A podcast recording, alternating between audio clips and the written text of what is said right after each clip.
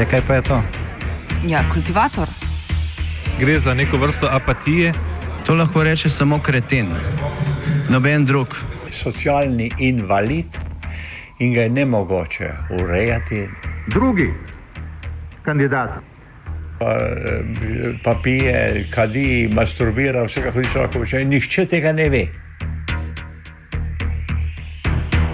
Vsak petek skultiviramo dogodek tedna. Lahko po kriterijih radio študent, težko pa po evropskih kriterijih. Ampak na drug način, kot vi to mislite. Kultivator vedno užge. Da pač nekdo sploh omenja probleme, ki so, in da pravzaprav sploh nekdo sproži dogajanje uh, v družbi. To drži, drži. Jadran, med naftnim madežem in črnim zlatom.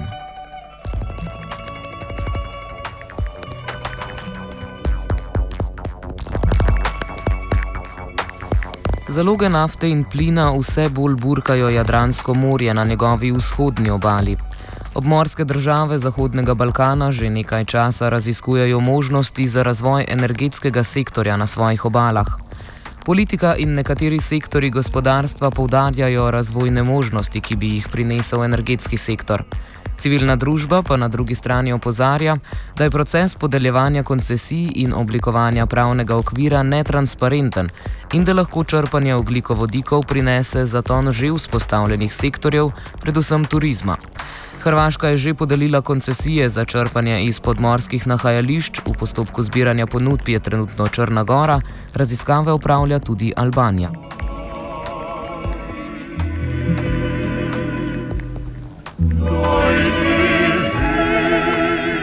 Ta teden je v Črnogorski Budvi potekalo zadnje v vrsti srečanja dranskih držav na to temo. Srečanje je spremljal tudi protest. Nataša Kovačevič iz črnogorske organizacije Green Home opiše zahteve protestnikov. A, pa dakle, e, nevladine organizacije iz Crne Gore, ali i regioni, kao i mali preduzetnici i građani, a, okupili su se u Budvi 10.3. ispred hotela Splendid, u kojem je zapravo organizovan samit o nafti i gasu, kako bi pokazali da neće sjediti skrštenih ruku dokle vlada Crne Gore planira ovaj nerazumni megalomanski projekat istraživanja nafte i gasa iz podmorja.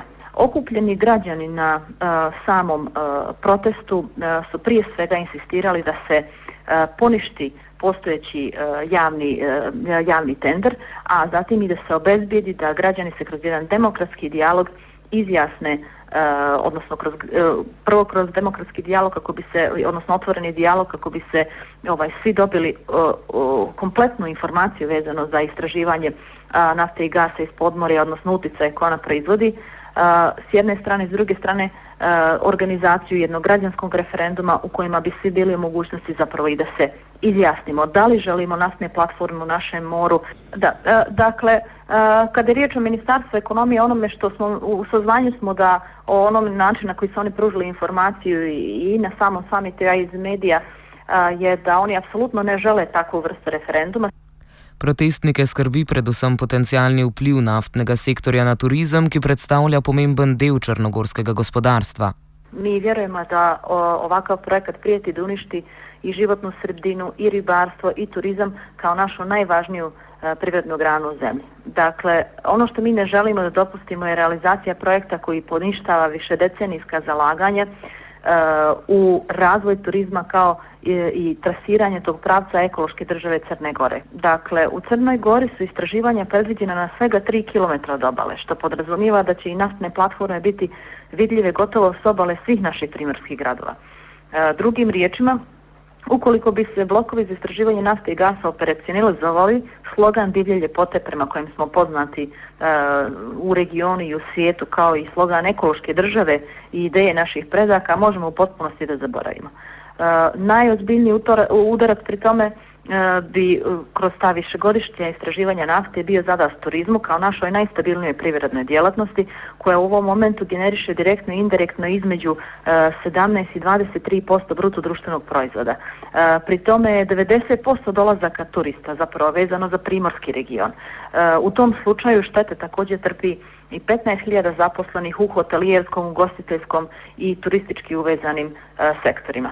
Nikomu među vremenu iz vlasti nije palo na pamet da organizuje samit i pita uh, iste te ugostitelje, ribare, hotel, hotelijere, uh, proizvođače zdrave hrane, uh, nautičare, kulturne baštinare, primorske porodice i tako dalje i pojedince šta misle o ovom projektu. Ali su zato naftni industrijalci bili pozvani da razgovaraju kako da prošire operacije u Jadranu i osiguraju maksimalnu dobit. Dakle, dosadašnje postupanje našeg ministarstva ekonomije nije obezbijedilo niti transparentnu proceduru, niti valjane informacije za građanstvo, a mi se zalažemo za demokratsko izražavanje volje građana vezano za istraživanje nafte iz podmore. Dakle, od građana Crne, građani Crne Gore nisu dobili ni neke elementarne informacije vezane za ovaj proces. Podrobnejšo razlago netransparentnosti v procesu podeljevanja koncesij pa nam je podala Ines Mrdovič, koordinatorka preiskovalnega centra MANS. E, nevladina organizacija MANS kao e, vodeća nevladina organizacija u Crnoj Gori koja se e, prvenstveno bori protiv korupcije i organizovanog kriminala još negdje od sredine 2013. godine kontinuirano pokušavala da dođe do nekih elementarnih informacija koje se tiču samog tenderskog postupka, a u vezi sa projektom istraživanja nafte i gasa u Podmorju. Smo tražili dokumentaciju koja se ticala pisama zainteresovani na, nadležnosti naftnih kompanija koje su one dostavljale crnogorskoj vladi, konkretno Ministarstvu ekonomije. Tražili smo njihove ponude. E, e, tražili smo e, podatke koje su sadržane u toj takozvanoj data room, odnosno sobi podataka. Prosto smo htjeli da se uvjerimo na bazi čega naša vlada planira istraživanje nafte i gasa u dijelu našeg mora. Prosto smo htjeli da se uvjerimo da li se to planira na neki realan i održiv način, odnosno da li to na realnim i održivim osnovama.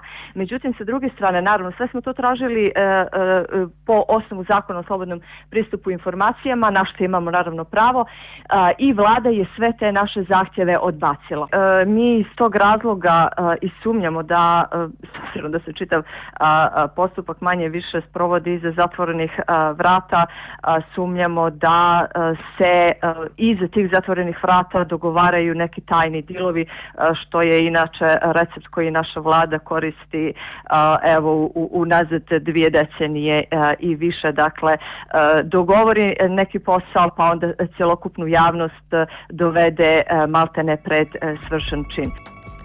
Črna Gora trenutno zbira ponudbe zainteresiranih podjetij za prvi krok raziskovanja. Hrvaška pa je koncesije za raziskovanje v 29 blokih že razdelila. Ti zajemajo tudi območje na meji med državama, kjer razdelitev ozemlja še ni določena. A kot pove Kovačevič, je državi pri vprašanju črpanja oglikovodikov na tem območju poenotil profitni motiv. A, pa, a, prema onem, što mi imamo od informacija, trenutno postoji a, da kažemo ta neka načalna saglasnost. Naravno, vlade naših zemalja su se negdje dogovorile E, Eh, prosto su se okupile oko jedne takve ideje i sada su ih povezali neki e, viši interesi koji su ovaj e, u, u svakom slučaju profitne prirode. E, do kada i da li će to uspjeti da se riješi, to je ovako velika nepoznanica. U slučaju, možda za slučaj istraživanja nafte će se postaviti neka odgovarajuća usmjerenja, opet kažem, zbog tog profitnog ovaj, interesa pojedinih tih lobističkih grupa, ali vjerujem da u krajnjem ovaj, e, u, po, da će tu postati neki dogovor da u, na političkom smislu to pitanje još uvijek ostane uh, negdje ispod, uh, ispod, ispod svega onoga što će da se dešava vezano za istraživanje nafte. Da je ekonomski pogled v primeru območja Prevlaka, kjer so državi še vedno dogovarjata o meji, preslepil odprto vprašanje skupne, potrjujejo tudi hrvaški novinarji, med drugim Igor Lasič. Bih rekel, da, da polaze od e, sličnih stajališta, koja odlikuje jedno ekonomsko-političko generalno nesnalaženje e, i pokušaj da se, e, da se krizna situacija ekonomska riješi nekom vrstom zakopanog blaga koje ćemo eto sada pronaći i tako ćemo riješiti sve svoje egzistencijalne probleme. Hrvaška vlada je, ko gre za naftno raziskovanje, storila korak naprej od Črne Gore. Po upravljenih študijah je januarja petim družbam podelila pravice za nadaljne raziskave in črpanje nafte ter plina na Jadranu. Geolog Bruno Saftič opiše stanje raziskav. Postoje i seizmička mjerenja na temelju kojih je napravljen model građe podzemlja koji je napravila INA. Ovo što je hrvatska vlada prošle godine napravila je, angažirala je drugu kompaniju da ponovno snimi regionalna mjerenja i te podatke je onda dala e, na natječaj da se jave inozemne kompanije koje će htjeti uzeti koncesije za daljna istraživanja. I ta nova seizmika je donekle kvalitetnija koliko sam vidio, ali i dalje su to još uvijek regionalna istraživanja. Dakle, nisu dovoljno detaljna.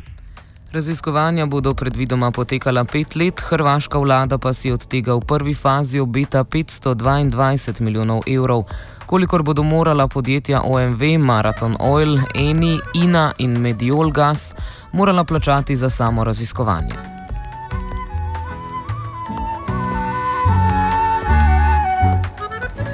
To pa naj bi bil šele začetek. Črpanje nafte in plina naj bi Hrvaški, po mnenju njenih voditeljev, prineslo ekonomsko blagostanje in državo odrešilo vse hujših ekonomskih težav.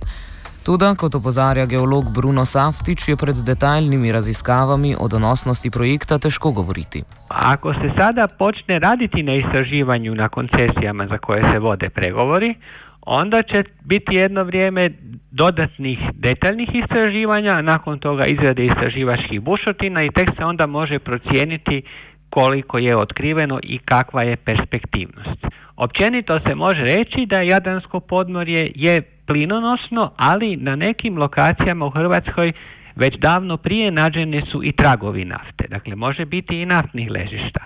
Prerano je za sad govoriti o tome kolika bi bila vrijednost. Hoće li projekt biti isplatljiv, to se može tek riješiti onda kada se eventualno otkrivena ležišta ispitaju, misli se testiraju proizvodne količine i sastav ugljikovodika. Ob zastremljenosti v ekonomske interese tudi na Hrvaškem pozabljajo na negativne posledice in tveganja raziskovanja in črpanja nafte ter plina.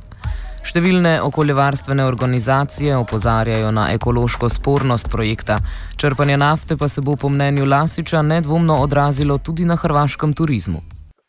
Može procuriti v svakom trenutku nafta, koja se vadi na dubini od recimo tisuću metara ili, ili, ili nešto manje ili nešto više, e, kao što se dogodilo u ostalom u Meksičkom zaljevu, sjećamo se one ne tako davne katastrofe ovaj, sa bušotinom koja se e, na koncu jedva sanirala, jedva začepila. Jel? E, naravno danas e, postoje tehnologije koje omogućuju tu eksploataciju e, sigurnije, lakše i tako dalje nego, nego li je to bilo u 20. stoljeću, ali e, E, Jadran koji je zatvoreno more i kojem e, trebaju deseci godina da bi se e, kompletno prirodnim putem u njemu izmijenila sva masa morske vode koja u njemu postoji. Međutim, moglo bi se dogoditi da turizam kao recimo naj, najznačajnija hrvatska privredna grana u ovom trenutku, koliko god da to bilo nepovoljno u nekom ekonomsko-političkom smislu, ali je tako, dakle, turizam je ta najunosnija industrija u Hrvatskoj, bio bi sasvim sigurno izuzetno ugrožen nekom havarijom e, naftne platforme ili e, sličnim akcidentom ili, ili, ili incidentom. Jeli. Svoje podmorske zaloge energentov začenja odkrivati tudi Albanija. Ta ima sicer precejšnje zaloge tudi na kopnem, med drugim največje naftno polje v celinski Evropi, Patos Marinca. Nadzoruje jih državna naftna družba Alp Petrol. Največja rafinerija v državi pa je bila leta 2008 prodana ameriško-švicarskemu konzorciju. Potencijalne podmorske zaloge ponujajo nove možnosti, država pa namerava raziskovanje prepustiti zasebnim podjetjem.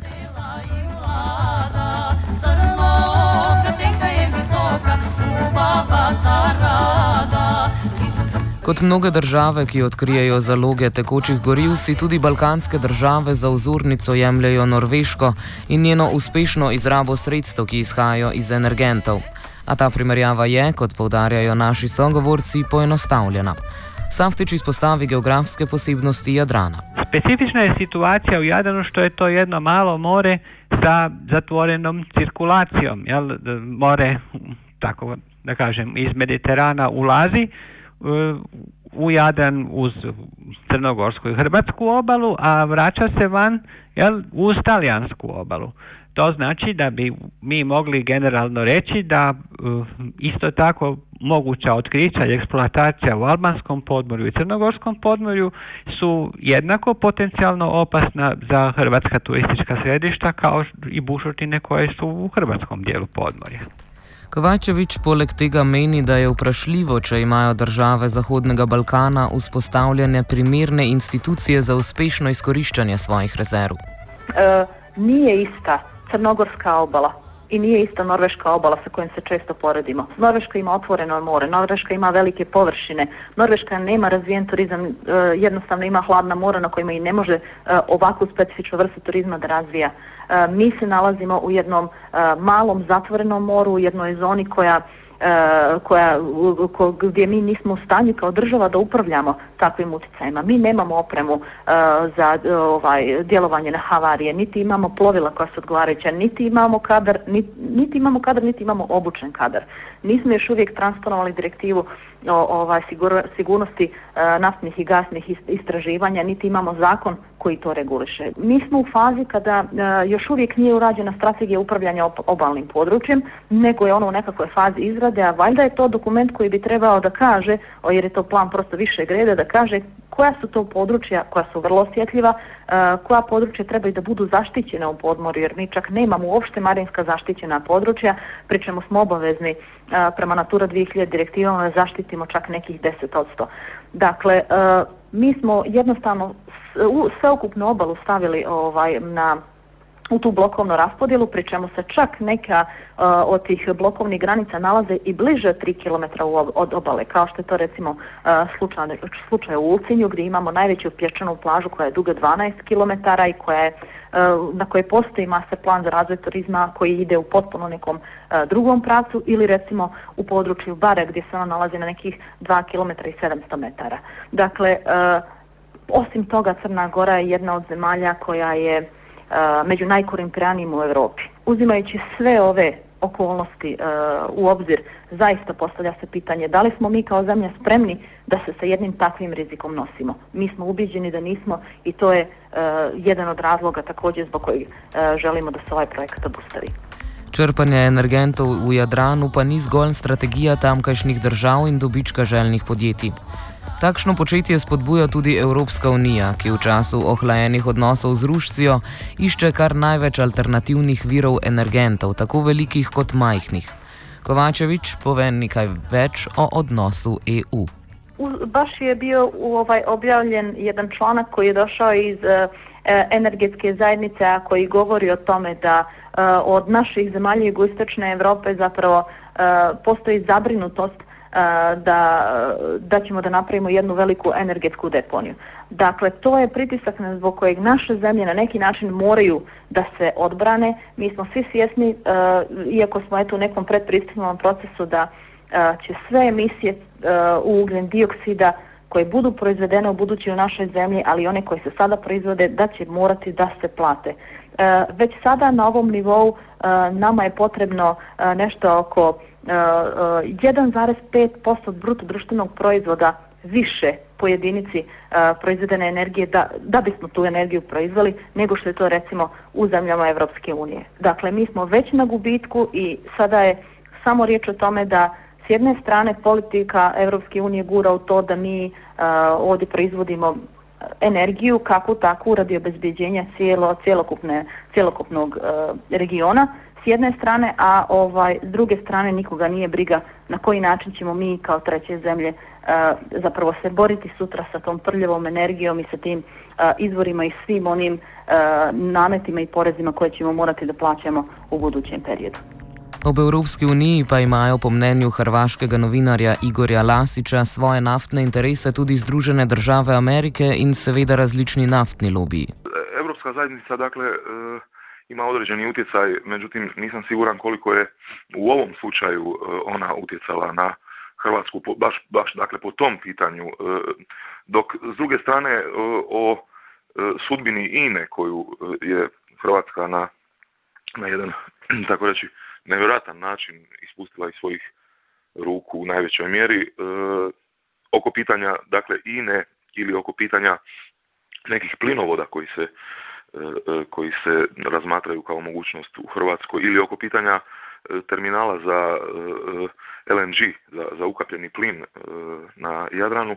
Oko tih pitanja se uključuju u odlučivanje razne E, razne snage kao što je recimo Amerika koja, e, koja ne skriva uopće da, da pokušava odlučiti e, o LNG terminalu na Jadranu ili o sudbini INE koja se po njima i zbog njih ne smije na kraju prodati Rusiji, odnosno nekom nekom ruskom strateškom partneru i tako dalje tako dalje. Što se tiče samog istraživanja u njemu mislim, dakle istraživanja Jadranskog podmorja i eventualne eksploatacije, e, u njemu mislim e, više utjecaja imaju e, naftaški lobi, veliki naftaški lobi koji se žele ubaciti u ovo područje gdje je INA kao, kao hrvatska tvrtka izgubila svoj utjecaj u najvećoj mjeri.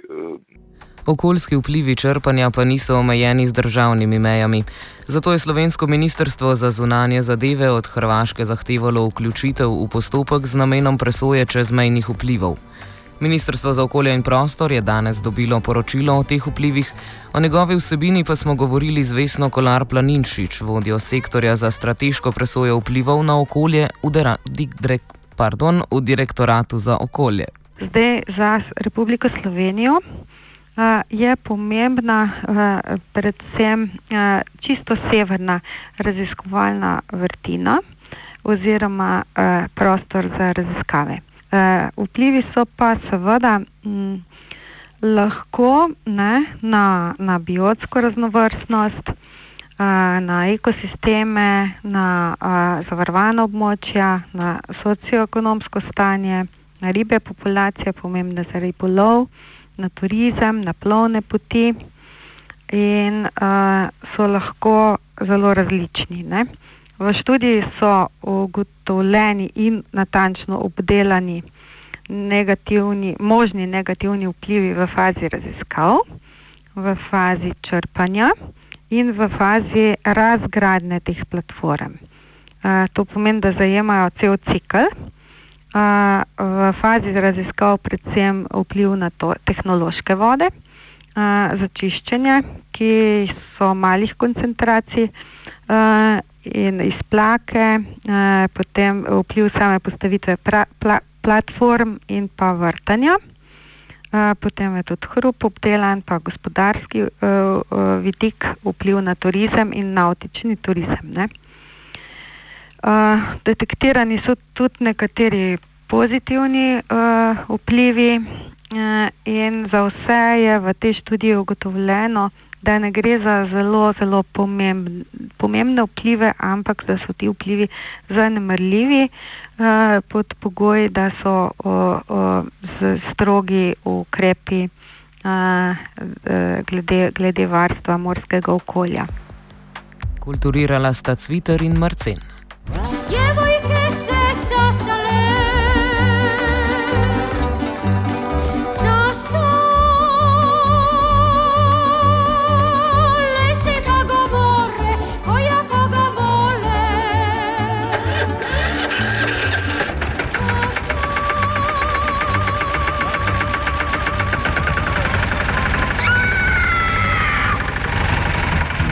Ja, kaj pa je to?